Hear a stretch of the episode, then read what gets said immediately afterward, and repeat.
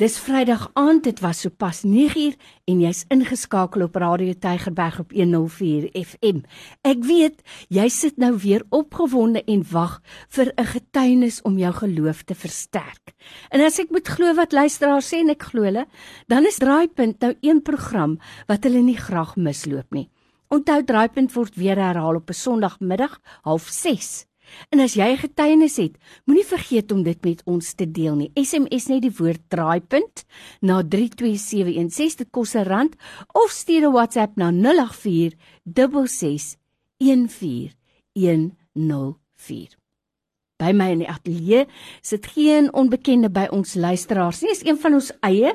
Dit is my altyd so lekker om 'n getuienis op te neem met iemand wat ek baie goed ken en 'n paadjie mee stap. Jy hoor hom Sondagoggende lekker vroeg op die radio. Dis Mike Potgieter. En ja, ons het ook getuienisse ons wat hier werk by Radio Tygerberg. En om die waarheid te sê, as ek moet eerlik wees, dan dink ek ons het baie meer getuienisse as wat ons regtig met julle deel. So Mike, dankie vir jou bereidheid om in te kom en om ook jou getuienis vir ons luisteraars mee te deel. Jy's so welkom. Baie dankie Lorraine, is baie lekker om hier by jou te wees en groot voorreg. Nou jy weet Mike, hierdie afgelope jaar het baie mense groot swaar kry beleef. Daar was groot beproewings gewees en ons hoor baie daarvan. Mense praat, hulle hulle stuur uh, SMS'e bid vir my, hulle stuur WhatsApps met gebedsversoeke en is ook goed so. Ja. ja. Maar weet jy wat? Iets wat ons minder gereeld deel is hoe goed dit met ons gegaan het en die positiewe verhale. En daarom is ek juis bly dat jy ingekom het om met ons jou getuienis te kom deel, want ek kan sien jy's opgewonde om te kom getuig van die goedheid van die Here. Vertel ons. Ja, Lorraine, weet jy, ek het ek is ehm um, een van daai wat geglo het dat jy moet deur 'n storie gaan, jy moet deur sleg gaan voor jy kan regtig getuig wat die Here in jou lewe vir jou gedoen het.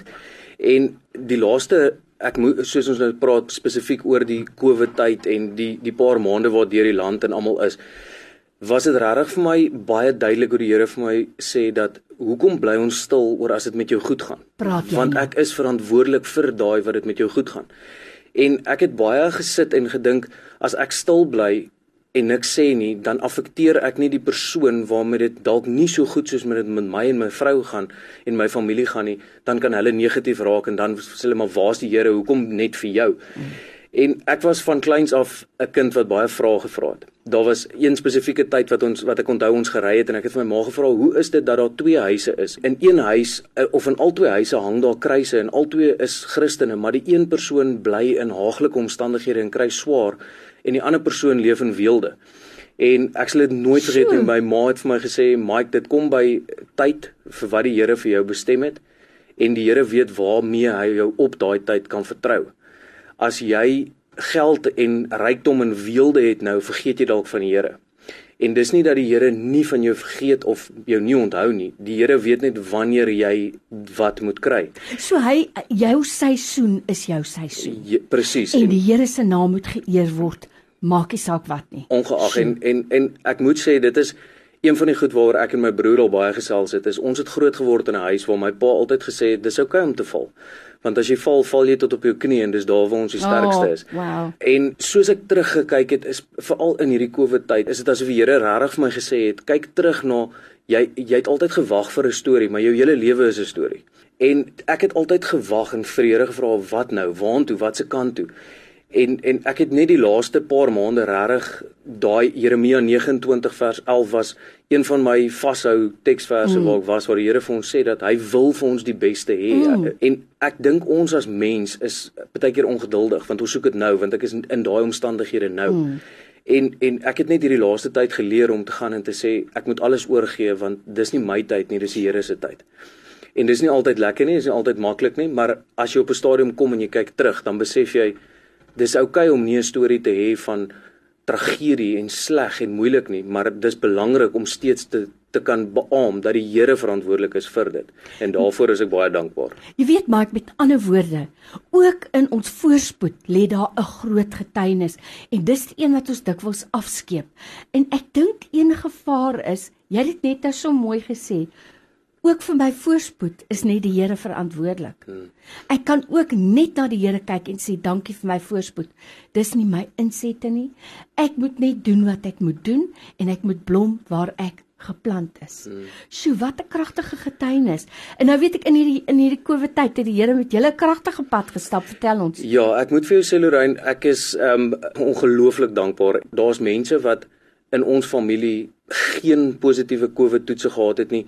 My vrou se se ouma het positief getoets vir COVID, my skoonma het positief getoets vir COVID, maar geen geen ernstige neeweffekte of moes sure. opgeneem gewees het mm. of enigiets nie. Ons was nie geaffekteer finansiëel deur COVID nie. Ehm um, ons albei het werke gehad wat ons salarisse nog steeds normaal betaal was en alles. En dan kyk jy na mense en jy besef hoe hoe bevoorreg jy is in daai posisie want soos ek sê jy is waar jy moet wees. Mm. Al voel dit nie nou so nie. Ons het een geval gehad waar my tannie het pankreaskanker gekry in hierdie COVID tyd en dit was in level 5 gewees of in vlak 5 gewees waar niemand by haar kon mm. uitkom nie en ons is 'n baie hegte familie. Mm. So ons wil by mekaar uitkom. Ons wil mekaar ondersteun fisies en ek dink ons as Suid-Afrikaners is so nasie. Mm. Jy wil by mekaar uitwees want dis hoe ons mekaar ondersteun. En sy het begin met haar behandeling en sy was op van die sterkste chemobehandeling wat jy kon kry en die dokters het uh, toe hulle aanvanklik by die dokter inkom het die dokter saam met hulle gebid voor hulle begin het met diagnose D dit was net 'n pad gewees wat wat sy self met Here gestap het en dis haar storie om te vertel. Maar dit wat ek by haar geleer het was so so so groot want toe ek al bel die dag om met haar te gesels het ek aanvanklik vir my ma gesê hoe hoe bel jy iemand wat met so tyding? Want oh. wat sê jy? Ek kan nie vir jou sê ek is hier om jou te ondersteun nie want mm. ek weet nie deur wat se hoogte en laagtepunte jy gaan nie. Mm. En sy het my intedeel so inspireer en rustig gemaak met haar boodskap want sy het net dadelik vir my gesê Maika, weet jy wat? Hierdie is nie my stryd nie. Dis die Here se stryd. Ek gee alles oor ek kan nie dit fight nie want ek het nie daai energie om dit te kan doen nie want ek is deel van hierdie stryd waardeur ek gaan. Maar die Here weet waaroor dit gaan en die Here het lankal hierdie hierdie stryd vir my begin beklei en geweet dis wat gaan gebeur. So so sy het ons as familie eintlik so al verrustig gemaak en geïnspireer dat as jy nou met haar praat sy sy's opgewek. Hulle gaan op pikniks hulle gaan spandeer tyd saam met kleinkinders. En dis nie om ek moet dit nou doen want wat as nie. Hulle het dit nog altyd gedoen. Ehm um, my tannie en my oom het nog altyd in die karre geklim waar ook al hy gery het, langs die pad gestop, piknik gehou en saam gewees. So ek dink in die tyd van Covid het ek regtig besef hoe belangrik dit is om saam met mekaar op te wees. Mm. Tyd saam met jou geliefdes te spandeer. Mm. Maar tyd wat so belangrik is, nie net in ons familie nie, maar ons moet tyd maak wat prioriteit is vir die Here om dankie te sê vir daai goeie dinge. En as daar kom ons gebruik nou die term daai lydingsbeker by jou en jou familie oorkom, dan jy so gewoond om tyd saam met die Here te spandeer en die die goeie tye te waardeer en en dankbaar te wees vir dit dat jy amper half 'n nuwe energie het om daai stryd aan te pak. Nou by my in die ateljee vandag sit my kollega en ek wil eintlik vir hom ook 'n vriend noem, dis Mike Potgieter. Jy luister na hom op Radio Tygerberg, sommer op verskillende tye, want Mike is nou een van daai mense. As jy op sy knoppie druk en hy kan dit enigsins doen, dan is hy beskikbaar en hy doen sy werk met uitnemendheid. Vandag Mike, is jy nou hier om te getuig van die goedheid van die Here, van die voorspoed in jou lewe en Ja, weet jy wat ek nou wegneem vandag is, ons moet vandag brandhout bymekaar maak. Want daar kom tye, daar kom koue winterstye en dan kan ons terugval. Dan het ons 'n stoor opgebou van positiewe dinge en van getuienisse oor die goedheid van die Here. En ek dink daarom sê Moses, vertel hierdie stories vir julle kinders hoe God die Rooi See oopgemaak het van die wonderwerke En die rede daarvoor is daar kom 'n dag wat jy gaan nodig hê om te moet sê, Here, ek onthou hoe U dit en dit gedoen het. U is dieselfde. Jy weet dat jy weer kan staan op daai krag van die Here. Lorraine, weet jy dit is die die hoofrede soos ek soos ek sê hoekom ek hier is is baie keer dan gaan ons deur 'n tyd wat dit vir my voel asof as ek gefokus is op die negatiewe dan bly ek die negatiewe sien. Mm. En ons is so ingestel om hoe sleg dit in ons land gaan dat ons die mooi in die land mis. En ek dink dis hoekom dit vir my belangrik is om vandag te sê kom ons fokus regtig op die mooi en en en en ons bou daai en positiewe energie by die Here om regtig positief te wees en uitkyk te hê op die lewe waarvoor ons almal trots en dankbaar kan wees. Nou jy weet Mike, jy praat 'n baie interessante ding. Jy's veronderstel nou jy ry nou al vir 10 jaar soos ons nou ons ry 10 en 12 jaar met dieselfde kar. Nou besluit jy, nee wat ek gaan nou 'n uh, Hyundai koop. Vraag is waar op die pad wat sien jy? Jy sien net ander kar. Jy het hulle nooit opgemerk nie. Ja, ja. Nou sien jy hulle raak. Ja. So as ons net fokus op die negatiewe, glo jy vir my, daar's genoeg stof om daai honger te voed, hoor. Jy kan enige koerant optel, enige. So daarom is dit belangrik dat ons moet sê nee. Kom ons fokus op die positiewe en ons gaan dit raak sien. Verseker. Sjoe, Mike, ek wil net 'n laaste gedagte by jou hê om by ons luisteraars te los. Dit sal dit sal regtig wees as jy tyd saam met God spandeer, vra hom om die positiewe in jou te hernie, daai positiewe energie.